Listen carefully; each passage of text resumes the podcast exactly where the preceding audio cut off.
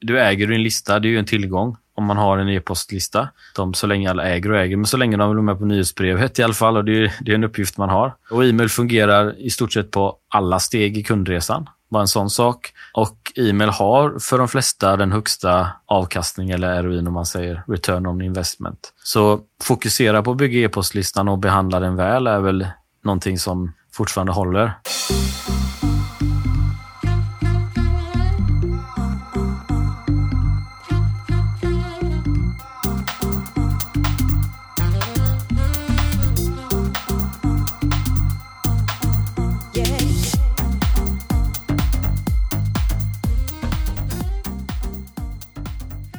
Välkommen tillbaka till Digital marknadsföring med Tony Hammarlund. Det här är en podd där jag intervjuar branschexperter och marknadsförare för att lära mig mer om digital marknadsföring. Mitt mål med podden är att bli en bättre marknadsförare och samtidigt dela med mig av intressanta samtal med några av Sveriges bästa marknadsförare. Den här veckan fortsätter vi på e-postspåret och pratar e-postmarknadsföring. En kanal som fortfarande är otroligt viktig såväl inom B2C som B2B och har för många företag den högsta ROIn jämfört med andra kanaler. E-post har också blivit allt viktigare då den ger värdefull förstapartsdata och en direkt relation med våra prenumeranter och kunder. Trots det är det fortfarande få som utnyttjar kanalen fullt ut. Så jag bjöd återigen in Paid Social och e-postexperten Jonas Karlström för att lära mig mer och gräva djupare i ämnet. Jonas driver idag ett coachingprogram för e-handlare och marknadsförare där e-post har en central roll. Han har en gedigen bakgrund från ledande marknadsroller på stora e-handelsbolag som Naked och Mat.se samt byråer som Pineberry och Star Republic. Jonas och jag pratar i avsnittet om nycklarna till att lyckas med e-postmarknadsföring idag och hur man bygger en e-postmaskin med rätt typ av flöden och innehåll. Han går bland annat igenom i detalj hur bra system kan se ut för såväl B2C som B2B,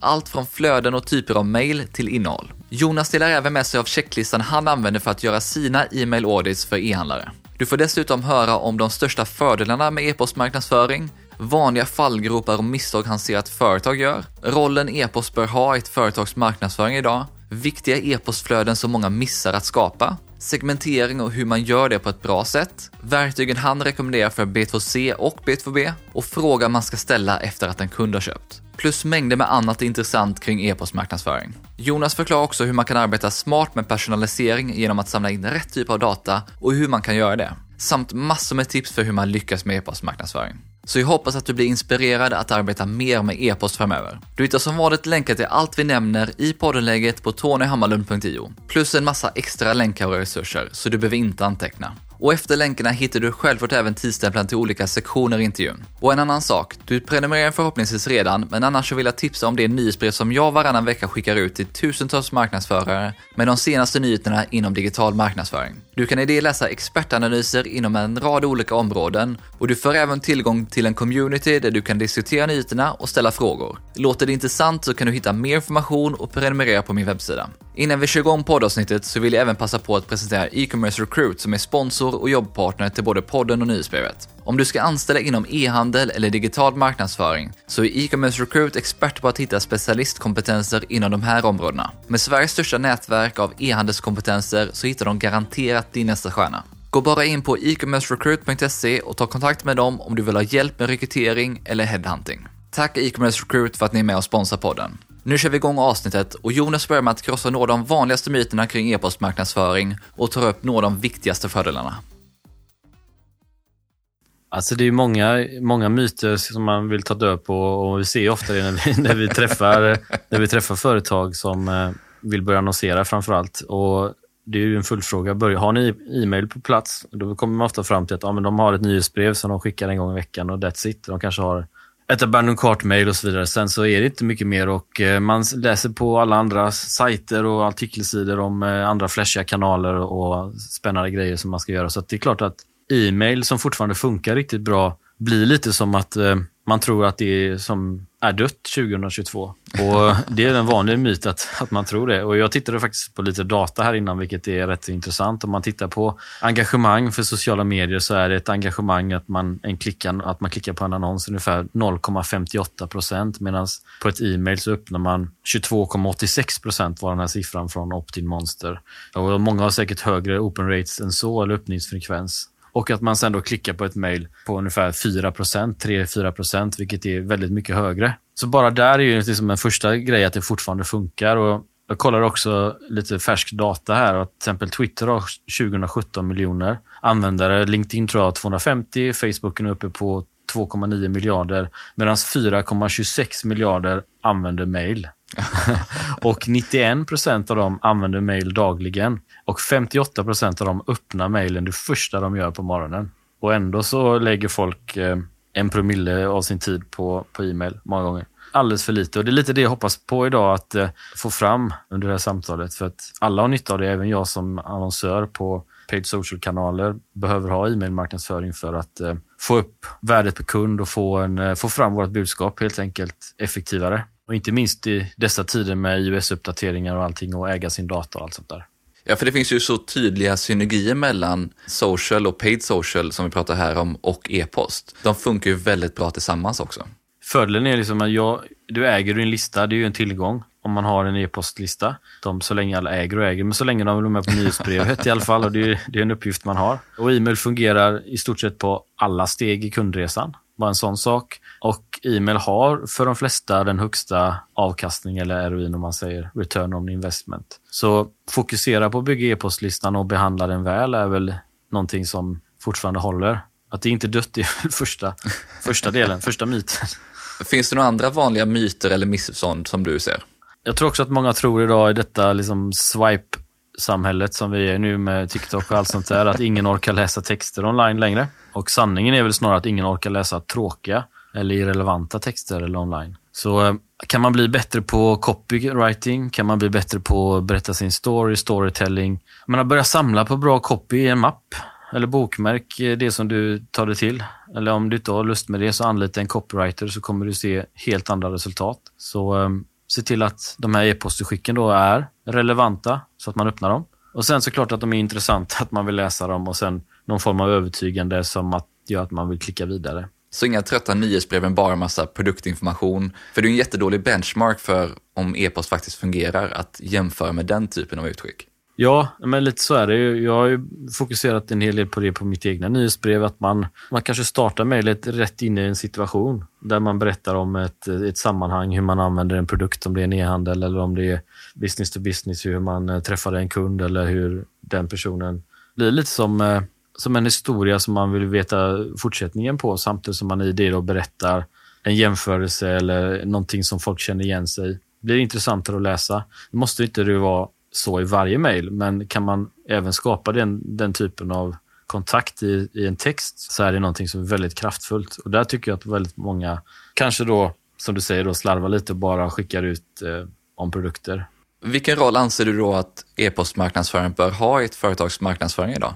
Men det behöver ha en, en central roll, skulle jag säga. Vi, vi tänker som vi lägger till nya trafikkällor idag, så är det så här, hur kommer det här påverka kostnaden per leads? Hur många leads kan vi generera per dag? Kommer de här personerna från den här trafiken klaffa med vårt nyhetsbrev, våran, våran take på det? Eller kommer de, hur kommer de funka med våra e-mailserier som vi har satt upp? Är det rätt målgrupp in dem? Måste vi ändra på det så att man även tänker redan innan kommer det här matcha med e-mail-delen som vi har på plats? Så det blir som en central del skulle jag säga i digital marknadsföring. Om man jobbar bra med e-post idag då, hur stor del av omsättningen bör komma från just e-post som kanal? The big hairy goal för de flesta som vi har jobbat med och som både stora och små är ju att ungefär 30 procent ska komma från e-mail-marknadsföring. Men när vi tar hand om en kund, om det handlar om Facebook Ads-kund eller TikTok Ads eller vad det nu är, så när vi ställer den frågan så tittar vi på Analytics eller vi tittar på ett e- e-mailprogram så kanske någonstans mellan 5 och 10 procent max kommer från, från e-mail. Så där har man ju en potential att tredubbla utan att man egentligen drar på sig så jättemycket mer kostnader. Och det är ju verkligen en low hanging fruit som, som bara ligger där hos många som kanske idag eh, kämpar sig blå med annonsmaterial eller något ställe.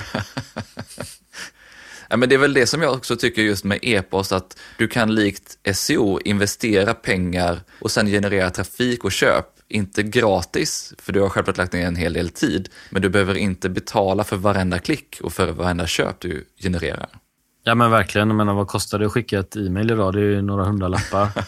och kunna hålla kontakten med sina kunder och inte behöva annonsera till dem varje gång. Det är såklart en jättestyrka. Och ju mer data man har själv idag, istället för att eh, Facebook, Google och andra äger den, eller Apple, så kan vi äga den datan själv. Eller i alla fall känna, när jag säger äga datan så menar jag att vi vet vad kunderna har gjort eller inte gjort eller vad de gillar eller inte gillar eller vad de har för demografier eller vad det nu är för något. Så att vi kan ge dem ett relevant, en relevant upplevelse som, där man bygger förtroende och eh, till slut en, en, en återkommande kund. Ja, men det blir ju väldigt värdefull förstapartsdata som man sitter på när man har sin lista och man har kanske andra typer av datapunkter som du är inne på också. Om vi hoppar tillbaka till myterna och misstag så, finns det något mer som du ser ofta?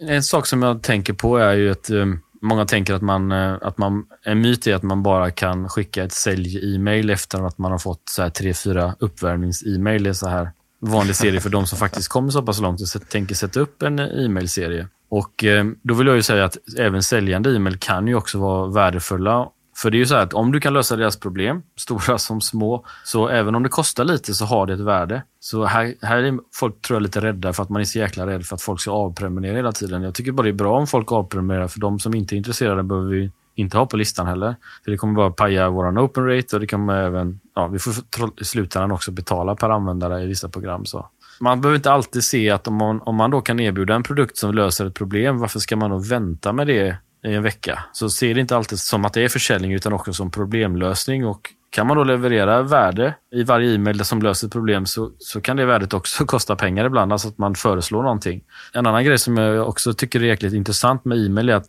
det finns någonting som man går miste om i det här lite, nästan lite förföriska momentet som uppstår när man ses för första gången. Det här är någon ny person, som man, eller nytt brand som man aldrig har sett. Och, och då blir det så lite spännande och, och, då kanske man har tappat det. Och som efter två, en, två veckor med lite halvtrötta mejl så det är man inte lika het längre när man då kanske frågar om köpet. Så att, sen behöver man inte tolka det som att man ska sälja som en galning i sina e-mail. Men i vissa fall så kan det vara, man behöver inte skämmas för att man har, kommer med ett Eh, en lösning på ett problem. Det kan vara gratis, men det kan också kosta någonting.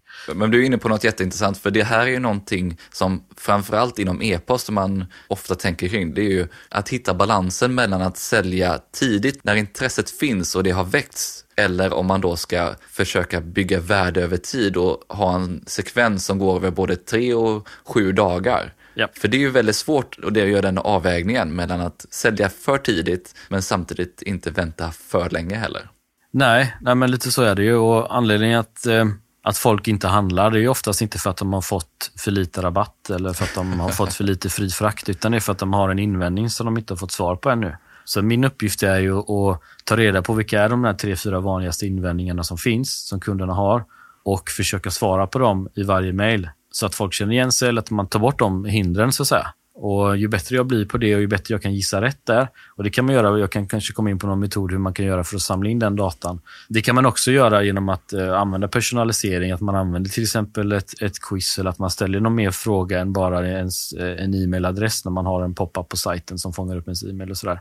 För då har man större chans att hitta rätt eller träffa rätt så att man just kan nå de här invändningarna som, som troligtvis har innan de vågar köpa, om det är från ett nytt varumärke. Men kommer det här verkligen funka för mig? Och vet man det då så kan man komma med en sån vanlig fråga som svarar på det. Här har vi de här kunderna som också hade den här invändningen och de upptäckte det här. Så ju bättre man blir på att få med det, desto större chans har man att hitta en, en kund som vågar prova och som, som blir nöjd och att man känner, känner sig sedd. Att det inte bara blir ett flöde där man känner att man är en i mängden bara om man puts bara närmare och närmare ett köp och man är medveten om det också. ja, men faktiskt. Och det är dock, om vi kommer in på det då, så är det lite som att ett annat misstag som jag ofta ser, då, det är ju lite det här att man, man kör lite för lite personalisering. Man vet att man får ett mail som alla andra får och man ska nästan kunna, målet är att man, en användare ska känna att man inte befinner sig i ett e-mailflöde. Så istället för det här trista, glömde du något i mejlet? Som, som man vet att alla får. Så, men som sagt, det här är bättre att ha det än ingenting. För det är faktiskt många jag träffar som inte ens har det mejlet. Då ska man absolut ha det där mejlet. Glömde du någonting för att det kommer du få sälj på. Men om man vill ta det ett steg till så ska man försöka sticka ut lite från, från resten genom att eh, på något sätt kunna förmedla något, eh, någon upplevelse som faktiskt tillför värde. Och att man tar sig tid att tänka hur, hur tänker kunden här? Hur kan vi återspegla det och svara på deras, då, som jag sa innan, då, huvudsakliga invändningar till varför det inte här kommer funka för mig? Och En metod som funkar riktigt bra, som är konkret, som folk kan ta med sig, det är att för att få reda på de här sakerna så kan man faktiskt ställa en fråga till sina kunder direkt efter att de har köpt. Datan från våra kunder är faktiskt det som är allra mest värdefullt. Och Den frågan som man kan ställa då är så här, var det någonting under det här köpet idag som nästan fick dig att inte handla? Det vill säga ungefär någonting som vi kunde gjort lite bättre. Någonting som var nära att vi missar affären. Och där är det guldgruva på, ja ah, det här var inte riktigt nice. Jag var nära på att tappa det där, men eh, jag var lite sugen så jag tog lite tålamod och ändå gick igenom den här trötta, jobbiga kassan. Eller det var svårt att hitta bland produkterna först. Eller den laddade långsamt. Eller jag fick fel på valutan. Eller vad det nu är för någonting. Ja, vad det nu kan vara värdefull data som man sen kan ta med tillbaks och förmedla in i sina e-mailflöden för att svara på de här invändningarna faktiskt. Då. Men det är ett fantastiskt tips och en sån enkel sak att få med som kan ge jättebra data in i nästa steg och hur man behandlar den typen av segment och den typen av kund. Mm. Men sen är det också kul att du nämner just personalisering och pratar om den här typen av aktiviteter. För att för många är ju personalisering fortfarande att det ska stå namnet på personen i mejlet när man skickar. Ett personalisering är ju inte det, det är ju basen och det är till och med så att det kanske inte ens funkar eller tycker att det är jobbigt när någon hela tiden tilltalar en med namn i alla mejl man får från dem. Nej, men exakt. Jag tror inte att vi samlar in namn längre ens, men däremot så, så vill vi att folk ska svara på frågor, kanske var ja, men som jag nämnde innan, vilken typ av träningsform de passar, de helst vill ha eller vilken hudtyp de har eller ja, kroppsform eller vad det sådär. Den typen. Sen så kan man ju såklart samla på annan data om hur ofta de har öppnat ett mejl eller hur många gånger de har handlat senaste perioden eller vilken geografi de har eller demografi för den delen också. Nej, men så annan typ av personaliseringsdata, inte det här gamla trötta namnet bara. Nej, precis. Jag tror inte att... Eh, jag själv går inte igång på det riktigt, men vissa, vissa branscher så är det kanske fortfarande nyhet. Jag tror för de flesta så är det lite intjatat. Där kan man ju såklart använda det på rätt sätt också, men det är också, man förstår ju idag att det, att det inte är, är någon som har tagit sig tid att skriva till en. Även om det är den känslan vi har som mål att få fram, att det ska kännas som. Vad skulle du säga är grundpelarna bakom en framgångsrik satsning på e-postmarknadsföring då?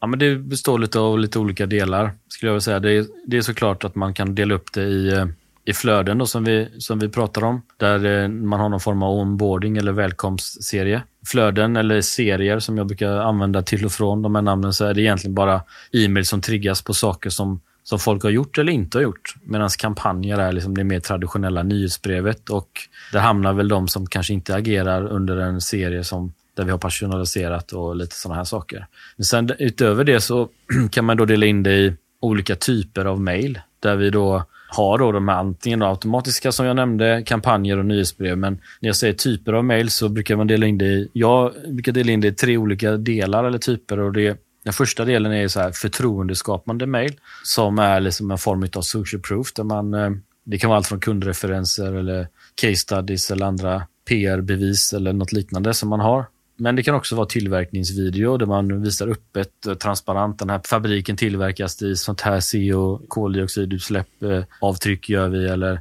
här kan vi se, vi använder bara den här typen av material eller det typ är förtroendeskapande, men också en story hur allt startade. Det kan vara värderingar man har som folk känner sig samhörighet med. Det kan vara välgörenhetsorganisationer eller miljötänk som sagt. Och ju mer man kan så att säga, sprinkla, spruta in det här i de olika e-mailserierna, desto, desto bättre. Sen själva innehållet är ju då också mer för att få dem att engagera sig i intressant innehåll. Och Det kan vara allt från tips på hur man eh, använder de här produkterna i olika situationer. Det kan vara pågående händelser inom din marknad som är intressanta. Det kan vara andra bloggartiklar, eller videor eller inlägg som inte behöver hamna i ett e-mail. man kanske egentligen bara har en länk till, ett, eh, till en YouTube-video eller till och med till en TikTok-video som för en är rolig, som, som, är lite kul. Bara att det blir lite olika format på det. Så om man till exempel säljer paddle racket så kan det vara hur man visar coola paddle skills som någon har för att imponera på eller något sånt där. Så innehåll eh, relaterat till hur det är att äga din produkt. Det här kanske man använder mer i de här kampanjmailen. Så att man, man kommer med något schysst tips och så har man alltid en möjlighet att komma till butiken till exempel. Eller här är produkterna som vi hade i den här videon eller liknande. Det kan man ju mata med hur länge som helst för att många gånger så behöver folk ha ett större fönster tills man är redo. Men jag har ju folk på mitt nyhetsbrev bara som eh, signar upp sig för vårt program efter tre år har man varit med på nyhetsbrevet. Så nu är jag redo. så länge kanske inte alla kan vänta om man har en e-handel, men, men det är ändå så. Jag har ju, då är man ju first in mind under en väldigt lång tid. Och sen den tredje då, typen av mejl. Första var ju förtroendeskapande, det andra var innehåll och sen så har vi då såklart erbjudanden där man får chansen. Och Det är ju här som Vi får någon form av payback också på våra e-mail där vi har produktintroduktioner utan att vi behöver annonsera det för alla så kan vi visa det i vårt nyhetsbrev. Det kan vara lanseringar eller vi har någon utförsäljning där man ja, ger rabatter på utvalda varor under begränsad tid för att kanske balansera upp sitt lager eller vad det nu är för något. Eller den som köpte den här produkten skulle också passa med den här. Eller så här ser det ut när du öppnar produkten. Det är ganska roligt. Det är, folk tycker det är kul, vissa i alla fall. Och jag tycker det spoilar lite grejen, men vissa vill se hur det ser ut innan. Men det här är de olika typerna av mejl egentligen som ingår i en bra e-poststrategi.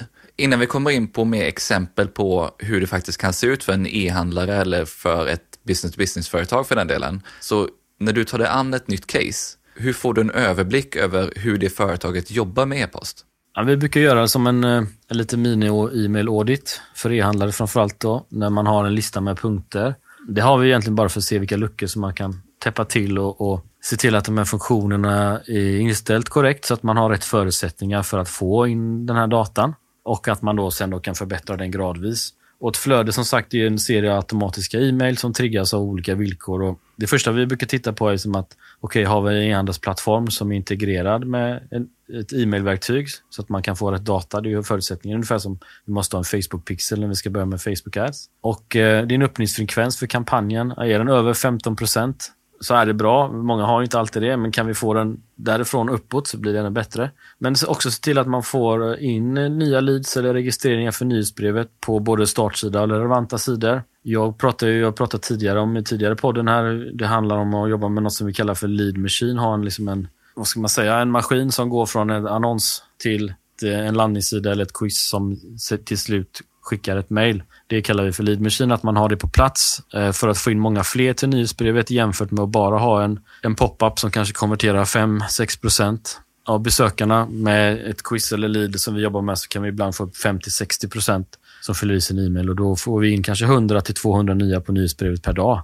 Och det är klart, då, då är det folk som kan se de här e-mailserierna. För det är också en sån nackdel. Många sätter upp snygga serier, men det är fem pers om dagen som kommer in i de här serierna. Så det, är aldrig någon, det är aldrig någon volym. Så det är också ett problem många har. Vi behöver få in volym med e-mailadresser också. Och sen att man har skapat som någon form av huvudlista där man har lite mer grundläggande segment på eller taggar så att eh, vi vill att eh, folk som vi mejlar på den här listan ska vi kunna segmentera om vi vill. Även om inte de har börjat med att göra det så ska det finnas förutsättningar för det. Man har en välkomstserie påslagen som genererar försäljning. Man har kanske en eh, övergiven kundvagn eller abandoned cart. Det ger väldigt mycket extra försäljning. För folk har ett liv och glömmer eller olika anledningar behöver bli påminda. Att man har ett flöde för första gångs kunder, att man kanske har ett VIP-flöde för sina bästa kunder och att man kanske om man har ett företag som säljer produkter som man behöver fylla på, att man har ett flöde som påminner dem om nästa order för att eh, få återkommande kunder. Och det är väl den första delen. Ju mer man checkar på den listan, desto bättre är det. Men å andra sidan, om man inte checkar på den listan så ska man inte, så ska man inte vara ledsen heller, för då har man ju en jättepotential att bli, bli förbättra sig. Så det, det är ju bara roligt på så sätt att man ändå har fått resultat utan att ha det på plats. Nej, men just att ha en lista att utgå ifrån, det här är saker som man bör titta på. Det är ju otroligt värdefullt. Ja, exakt. Kan man bara ha någonting att utgå ifrån som man checkar av så vet man att kan vi bara få det här på plats så kommer vi komma väldigt långt. Och de flesta har inte alla de här delarna. Sen måste man inte få allt på plats på en gång, utan man kan ju bygga det under en period så att man inte slår knut på sig själv. Men, men man, och man måste heller inte ha alla serier från början för att få resultat. Man kan hela tiden bygga det här. Så, och då blir det också roligare när man börjar få resultat från de första två serierna. Men då har man mer motivation att lägga till en till och sådär jämfört med att starta med att sätta upp fem e-mailserier med fem mejl i varje. Och så, och så man... har du fem personer som signar upp för listan varje dag. Ja, exakt. Då, då kommer man tycka att det är ganska tråkigt. Så då gäller det att ha lite koll på trafiken där in också. Hur kan en bra setup se ut då för ett business-to-consumer-företag eller för en e-handlare? Ja, första man vi tittar på är ju det som vi kallar för välkomstserien, där man eh, lär känna vårt eh, varumärke. Tips här för, för det här innehållet kan ju vara att eh, bygga någon form av förtroende, att man eh, har man en pressreview som man har fått eller man har en kundcase som man vill visa. Det kan vara som jag nämnde innan, artiklar på andra sajter eller att man finns med på någonstans eller att man är med i en podd. eller vad det nu kan vara. Eh, som eh, highlightar när någon annan säger någonting om, om en som inte bara är att vi själv slår varandra själva på bröstet. Men att man kanske tar eh, och tar reda på de här eh, vanligaste invändningarna som våra kunder har. De topp tre, fyra stycken som, som du vet att folk går och tänker på och kan placera dem i en följd och göra din form av, form av bästa gissning. Så första mejlet, om man kanske har en välkomstserie på en tre, fyra mejl, så kanske det första är liksom någon form av ja, men välkommen, tack för att du signade upp. Det här är vad du kan förvänta dig av det här nyhetsbrevet. Har du ett erbjudande av något slag som du har fått eh, så ska du såklart påminna om det. Sen nästa mejl så brukar vi använda här är liksom våra populäraste kategorier. Man, man, får också med vad vi erbjuder och hur man hittar det. Lite som att så här hittar du på sajten. För många gånger så kanske man bara tror att man har en typ av produkt eller en typ av eh, kategori produkter. Men där, här visar man upp att det finns mer, men också svara på den här invändningen. Så att man behöver inte bara man kan svara på en invändning och visa upp sina produkter. Så att man blandar gärna innehåll som har någon form av värde för personen och, och sen också de som är redo att handla redan ska kunna göra det lätt också. Sen brukar det vara ett mejl som är mer social proof där, vi, där man pratar om kundreferenser eller om man visar upp eh, sina resultat på, från Trustpilot. Eller, så svara också på någon annan invändning kanske. Brandstoryn kanske man kan lägga till i, tidigare än e-mail 4. Men det här är ungefär svara på frågan varför vi finns, varför ska du bry dig? Det är inte alltid de bästa produkterna som, som alltid vinner. Men om eh, de långsiktigt kommer göra det, men de kanske aldrig hinner komma dit för att det är aldrig någon som får reda på att de finns. Utan det är de produkterna som folk fattar direkt, som, eh, som sätter sig och kan, där folk förstår grejen direkt. Så kan man också då få, få med det vad är det vi står för och varför startade vi? Liksom, det här är anledningen till varför vi startade våran grej. Då är man inte heller lika priskänslig för att man vet att okej, okay, men det är det här materialet, den tillverkas så här, de tillverkas i Europa eller de har det här miljötänket. Okej, okay, jag är beredd att betala 50 spänn mer för det. Så det är en sån brandstory-grej som man som en lite mindre D2C-brand kan dra nytta av genom att vara lite personlig och lyfta fram det i välkomstserien. Det tror jag är jätteviktigt. Jag var inne på det här med att svara på invändningar. Det handlar hela tiden om det. För anledningen att folk inte har köpt det är för att de har, går och tänker på någonting. Det är inte för att man, okej, okay, om jag ger dem 25% rabatt kanske de handlar.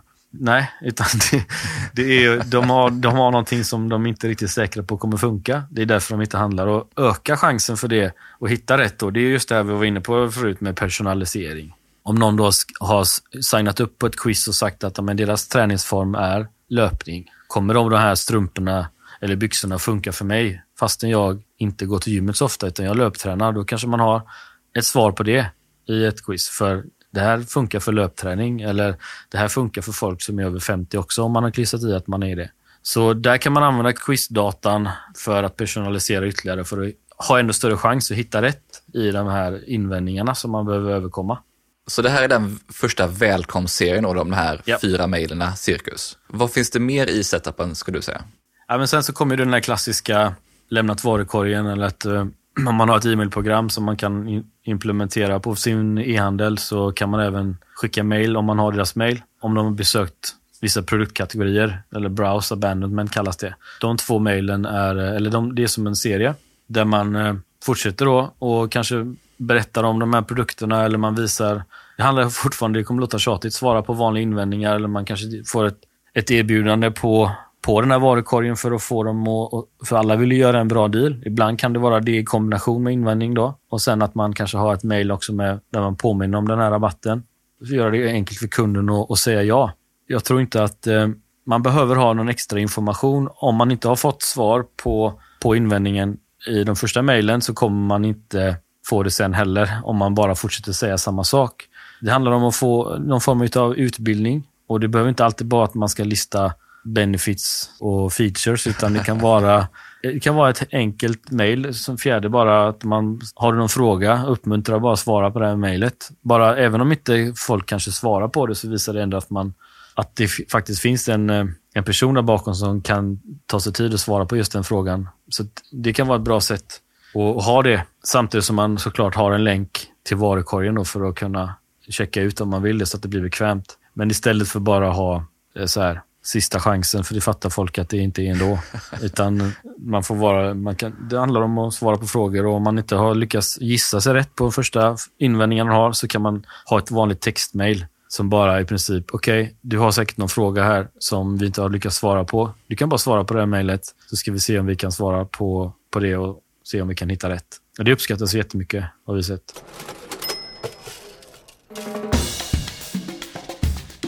Före jag och Jonas fortsätter prata e-postmarknadsföring så vill jag passa på att presentera en ny sponsor för podden. Fintech-plattformen Juni. Du kanske har hört talas om deras kort som gör livet enklare för e-handlare, byråer och oss marknadsförare. Ett kort skapat för att hantera medelköp. Eller vad sägs om cashback på alla transaktioner, virtuella kort som kan skapas på några sekunder och i flera olika valutor, möjlighet att hantera rättigheter och dela kort, samt data och översikt på all spendering. Men Juni är också mer än bara korten. Plattformen kan även integreras mot bankkonton och mängder av olika tjänster. Två av de allra häftigaste integrationerna är mot Google Ads och Facebook Ads som låter dig hämta fakturor och underlag samt matcha mot betalningar. Helt automatiskt. Gå bara in på juni.co tony så hittar du mer information om både kortet, plattformen och integrationer. Samt hur Juni hjälper oss marknadsföra. Stort tack Juni för att ni är med och sponsrar podden.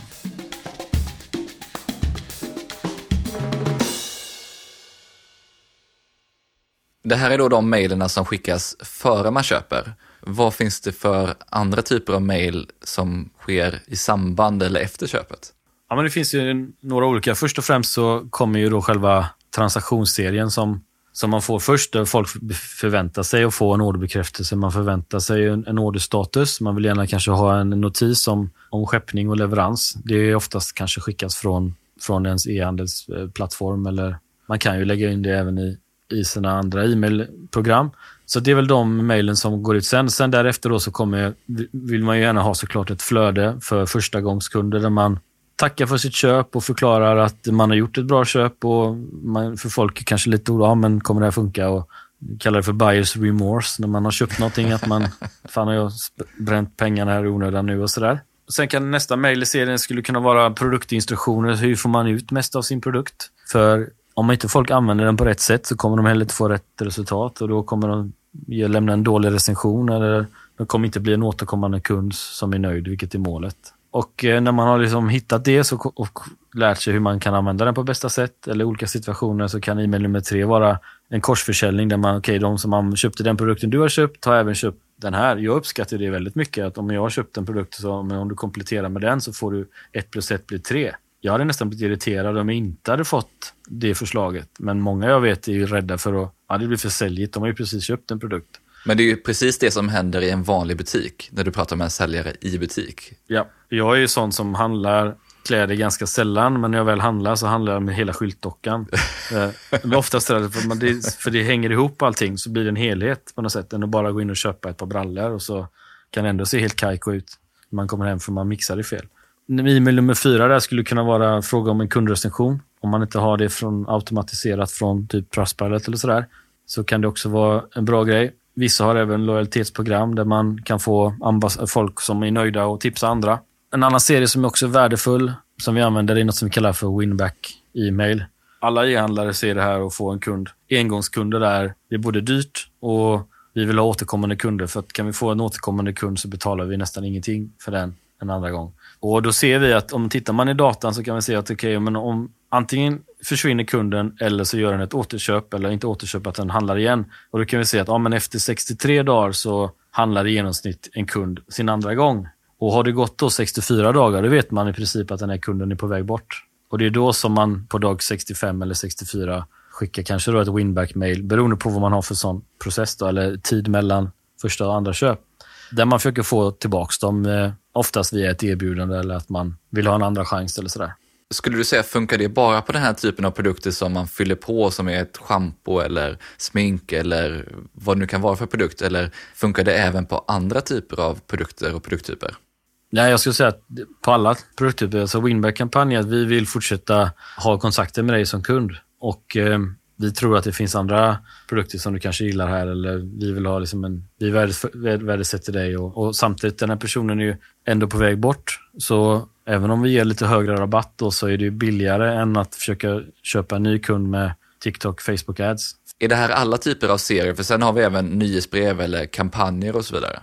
Ja, men kampanjflödet eller nyhetsbrevet, det är ju, det är ju där man som säger fortsätter utbilda folk så man har det här stora fönstret så att man hoppas att de inte ska avprenumerera. Men samtidigt så är jag inte rädd för att avprenumerera. Men, men det här, det är ju här man kommer med sina produkterbjudanden, tips, how to-video, produktlanseringar vanliga frågor och svar, mer intressant innehåll. Man kanske skaffar stilguider eller recept eller träningsprogram eller olika listor av, av slag för att hålla liksom, den här kontakten. Men ett flöde till som jag tycker att många missar också, det är just det här eh, VIP-flödet. Vi kan komma tillbaka till nyhetsbrevet, men VIP-flödet är ju då folk som faktiskt är återkommande kunder och storkunder. Att man, att man inte bara ger rabatter för att få in en ny kund, utan att, de, att man faktiskt kanske till och med hoppar över rabatterna på i början och kan sälja in ett lead på andra sätt än eh, en rabatt och att man sen får rabatter på när man kör kanske speciella kampanjer där man balanserar lagret, där man kanske inte har det på sina bästsäljande produkter utan på andra produkter.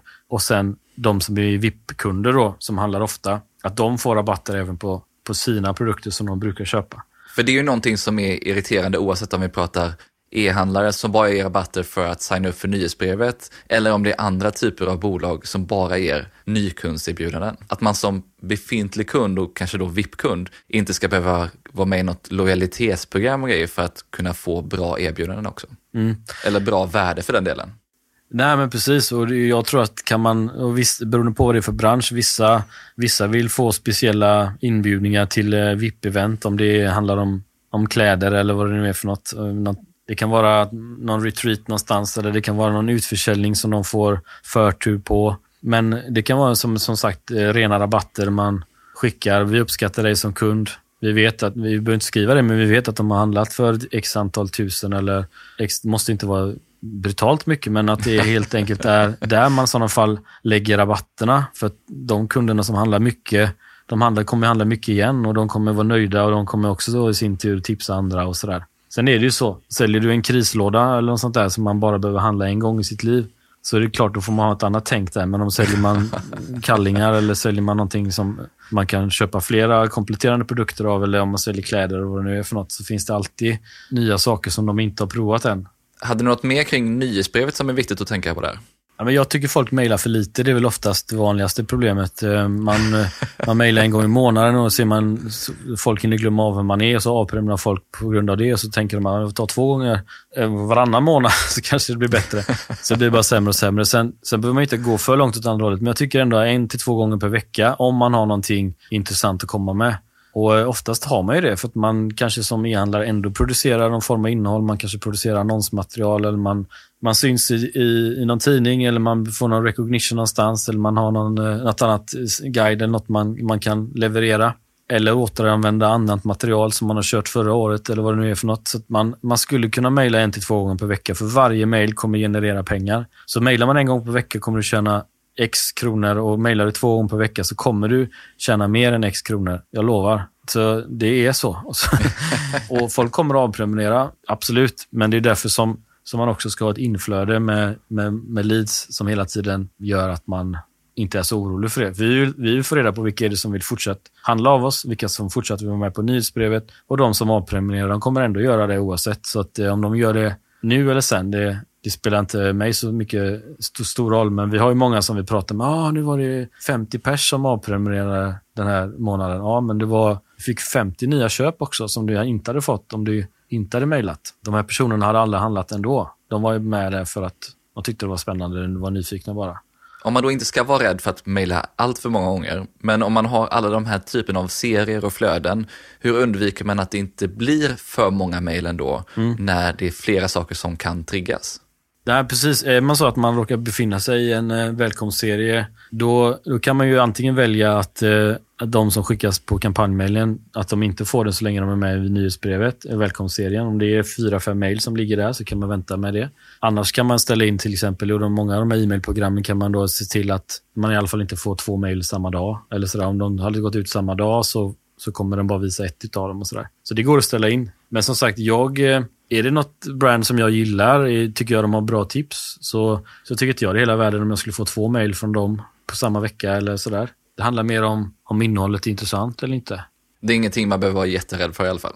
Nej, jag tycker inte det. Om inte det är så att man har eh, sjukt mycket serier och man mejlar fyra gånger i veckan sådär, då, och, och, så känner man att okej, okay, här ligger det sex stycken mejl som jag inte hunnit läsa än då kanske det blir en stressfaktor för folk och som, som, har, som har gått någon inbox zero-kurs. Eh. Men det här är då e-handel och business to consumer. Hur kan det se ut för business to business? man jobbar i princip på samma sätt med business to business, bara fast man har färre serier och man har färre ja, men så erbjudanden och man har kanske inte abandon kartserie och sådana grejer. Så man, man plockar istället bort delar. Där man istället för att man ska signa upp sig på eller köpa någonting så kanske man eh, har en konvertering där man bokar ett möte med en säljare eller man får en offertförfrågan. Eller det lidet kan vara allt från ett quiz eller en specialrapport eller ett webbinar eller något annat som blir som en första kontakt för att lära känna eller ladda ner ett case om man är en byrå eller något liknande. Så kommer man in också in i något som vi kallar välkomstserie där man i varje steg istället för att uppmuntra till ett köp så uppmuntrar man till nästa steg i säljprocessen om det är kanske ett, ett bokat videomöte eller fysiskt möte vad man nu har för, för setup som B2B-företag.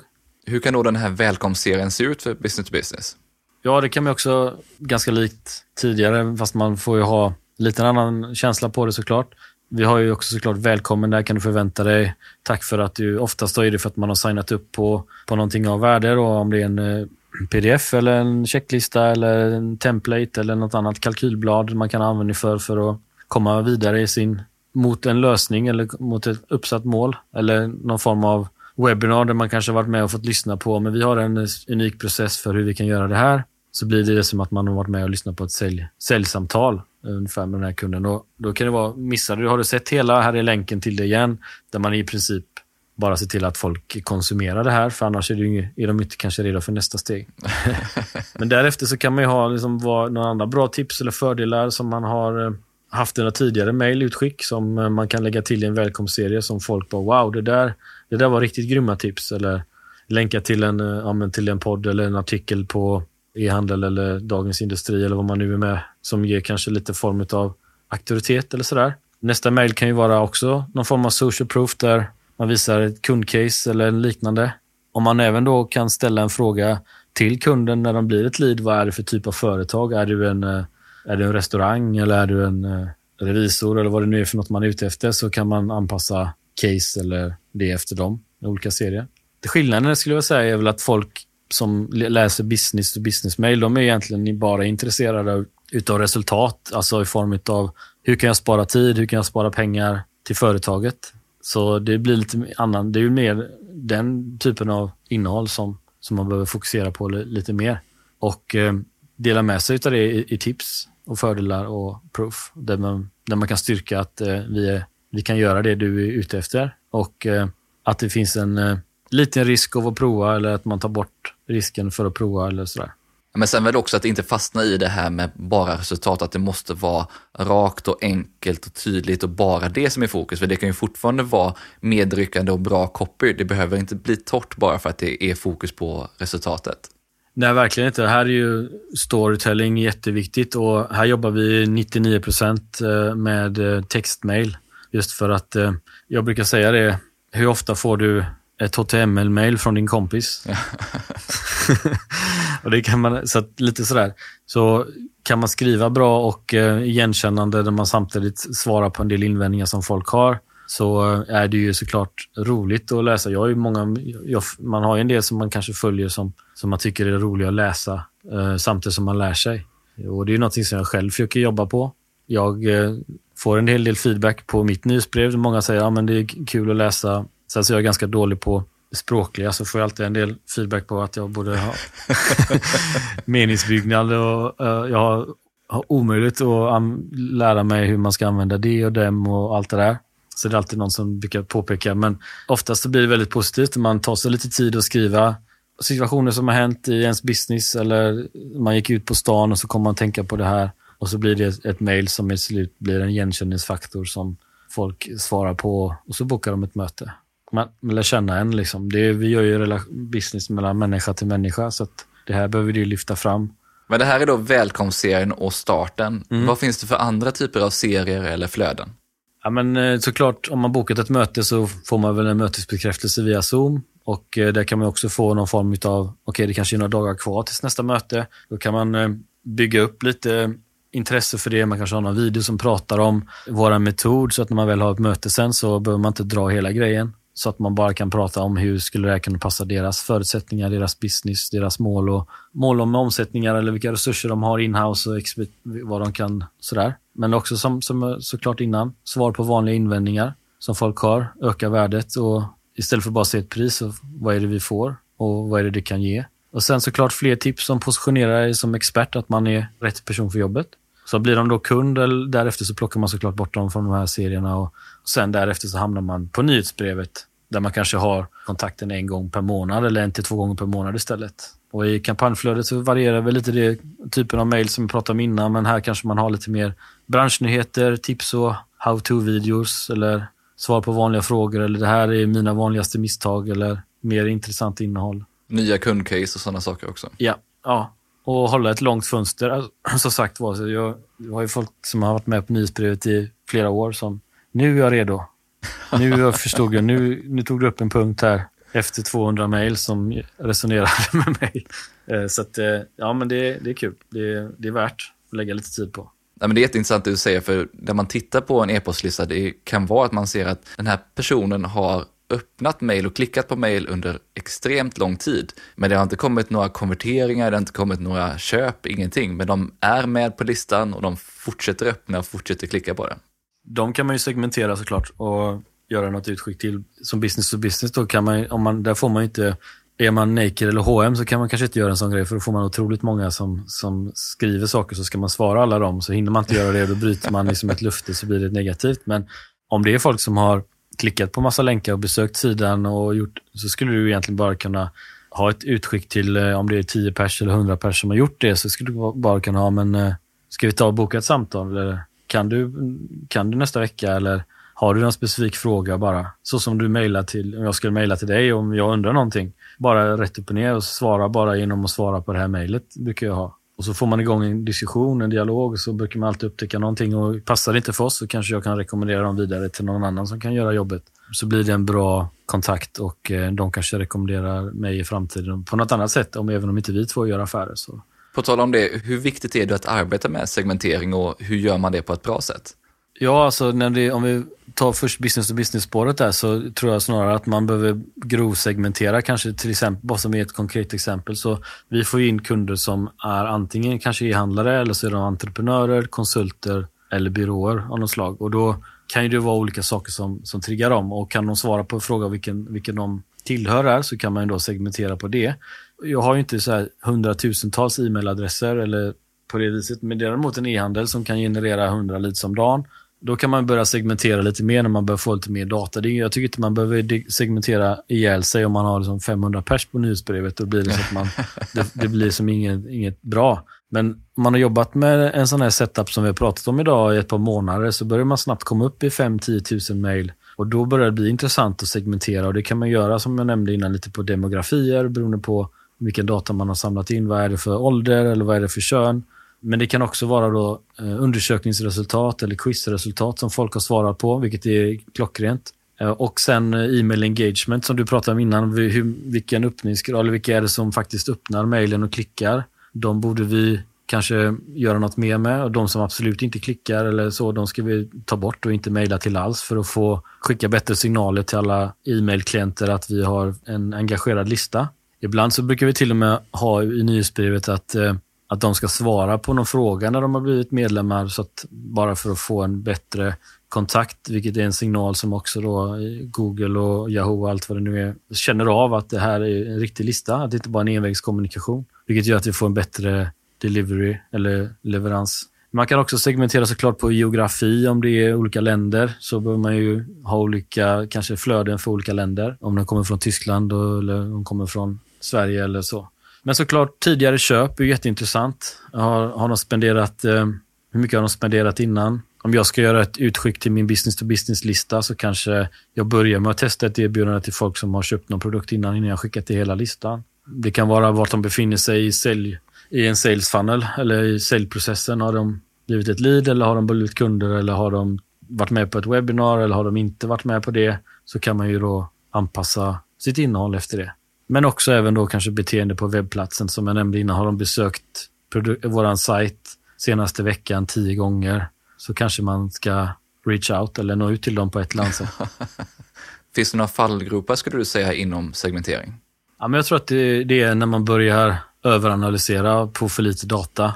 Att man eh, ja, fattar beslut på och så skapar man eh, tio olika varianter på ett mejl. och så är det fem pers som, som får det, så har du en open rate på, på tre.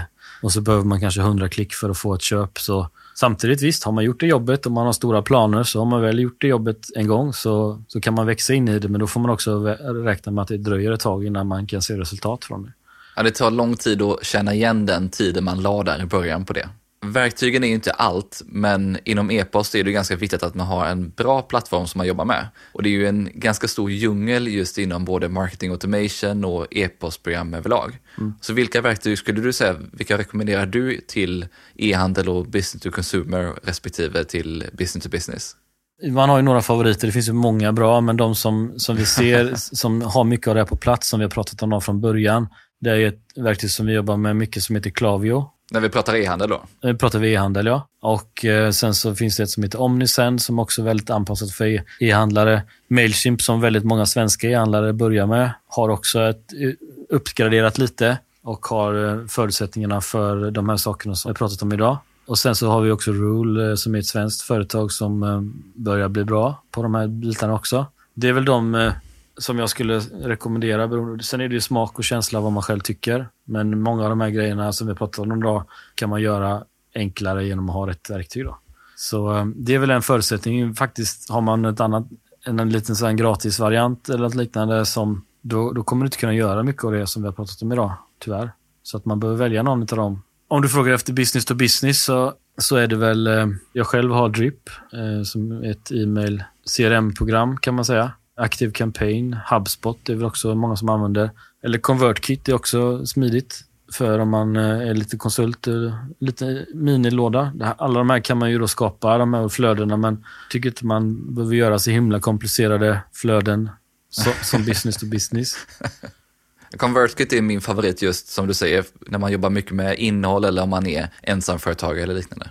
Ja, nej, men jag har också kikat på dem. Jag, jag använder Drip idag, tycker de är lite pricey, men man kan göra ganska mycket. Men jag, ser, jag är lite nyfiken på ConvertKit också faktiskt. Jag kan ta och visa det ConvertKit lite och vad jag har gjort här framöver kan vi köra någon liten station också. Ja, gärna. Jag tänkte vi kunde avsluta med någonting lite nytt, så fem snabba tänkte vi kunde köra kring e-post. Kampanjer och nyhetsbrev eller flöden och automatiska mejl. En kombo helt klart. Jag vet inte om man får svara så, men... Eh, det får man ju inte. Nej, jag... ja, men eh, jag skulle vilja säga att kan man sätta upp, man kan ju göra ett flöde hur långt som helst. Så att eh, då skulle jag säga flöden och automatiska mejl. För det, då kan man ju så säga baka in det andra där också, även om man får uppdatera det då lite oftare.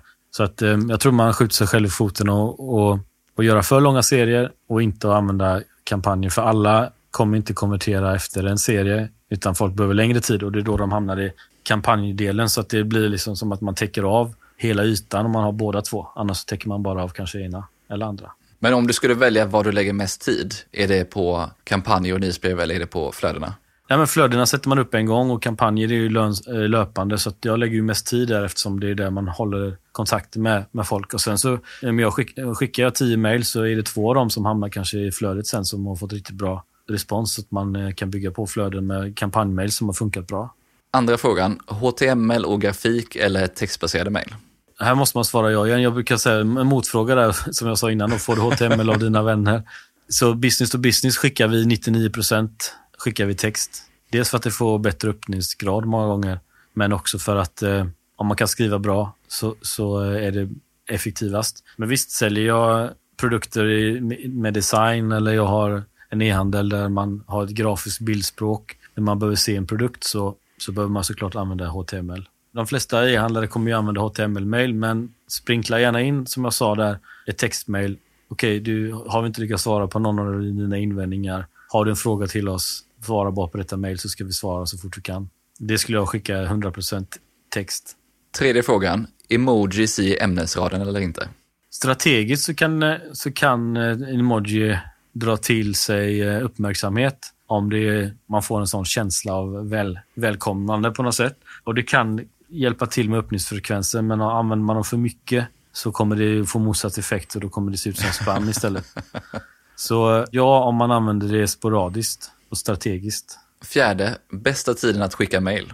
Jag skulle nog säga att morgonen är bästa tiden för att skicka marknadsföringsmail. Klockan 10 tror jag har vi sett brukar ligga toppen när det gäller öppningsfrekvens i alla fall för de flesta branscher. Men även eh, eftermiddagen kan också ge bra resultat när folk är kanske mer i shoppingmode om man är, kommer hem från när dagen är slut. Eh, men som det tråkiga svaret är såklart att testa olika tidsspann och se hur, eh, hur, hur de svarar på det. Sen finns det ju i många moderna e-postprogram så finns det ju numera dynamisk sändningstid så att man kan skicka när mottagaren engagerar sig med sin mail vanligtvis. Mm. Så att man kan ju anpassa sig. Men om du skulle välja så är det kanske klockan tio då om du skulle säga rent generellt.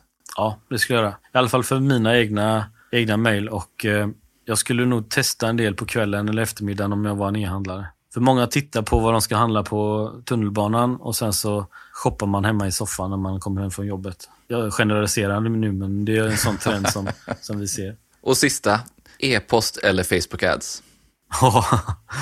alltså, det ena utan det andra är ju jäkligt tråkigt. Men om du var tvungen att välja? Eh, om jag var tvungen att välja så eh, tror jag e-post skulle jag nog kanske välja. Just för att eh, där äger jag datan. Eh, Facebook kommer säkert finnas kvar länge till, men det finns andra annonskanaler också, även om jag älskar Facebook Ads. Men trafik behöver man ha in och just nu är det den trafikkällan som jag fortfarande tycker är enklast att ringa in rätt personer till rätt pris. Men om du var tvungen att hugga av dig ena benet där så hade det varit Facebook Ads? ja, om jag istället för e-mail faktiskt. För att eh, utan min e-postlista så har jag, har jag svårt att hålla kontakten med, med mina kunder. Och eh, jag kan alltid generera e-postadresser från andra trafikkanaler. Men att inte få e-mail, eftersom det är så centralt, så skulle jag välja e-post, även om det gör ont att säga välja bort det andra. Stort tack för idag Jonas. Tack så mycket. Det där var Paid Social och e-postexperten Jonas Karlström. Vill du höra mer från Jonas så kan du kolla in hans coachingprogram Paid Social Academy för e-handlare, marknadsförare och entreprenörer. Och passa även på att prenumerera på hans nyhetsbrev. Om du gillar det här avsnittet så hade jag verkligen uppskattat om du tipsar någon du tror kan tycka om det och podden. Och glöm inte av att prenumerera i din poddapp. Dela också gärna dina tankar i en kommentar, ett inlägg eller ett DM. Du hittar som vanligt länkar till alla resurser och verktyg vi nämnde i poddenlägget på tonyhammarlund.io. Där har Jonas dessutom lagt med länkar till ett antal sajter och resurser med bra innehåll kring e-postmarknadsföring för såväl B2C som B2B, samt inspiration kring copy och design. Och du hittar även grafik som visar några av de flöden och system Jonas berättade om, samt länk till Jonas coachingprogram. Har du några frågor eller idéer för framtida avsnitt så är det bara att mejla på tony.hammarlund.io eller skicka ett DM på LinkedIn. Jag vill även passa på att tacka Mikael Lindberg på Better Waves som hjälper till med att producera den här podden och stå för musiken. Vi hörs snart igen med fler intressanta gäster och ämnen.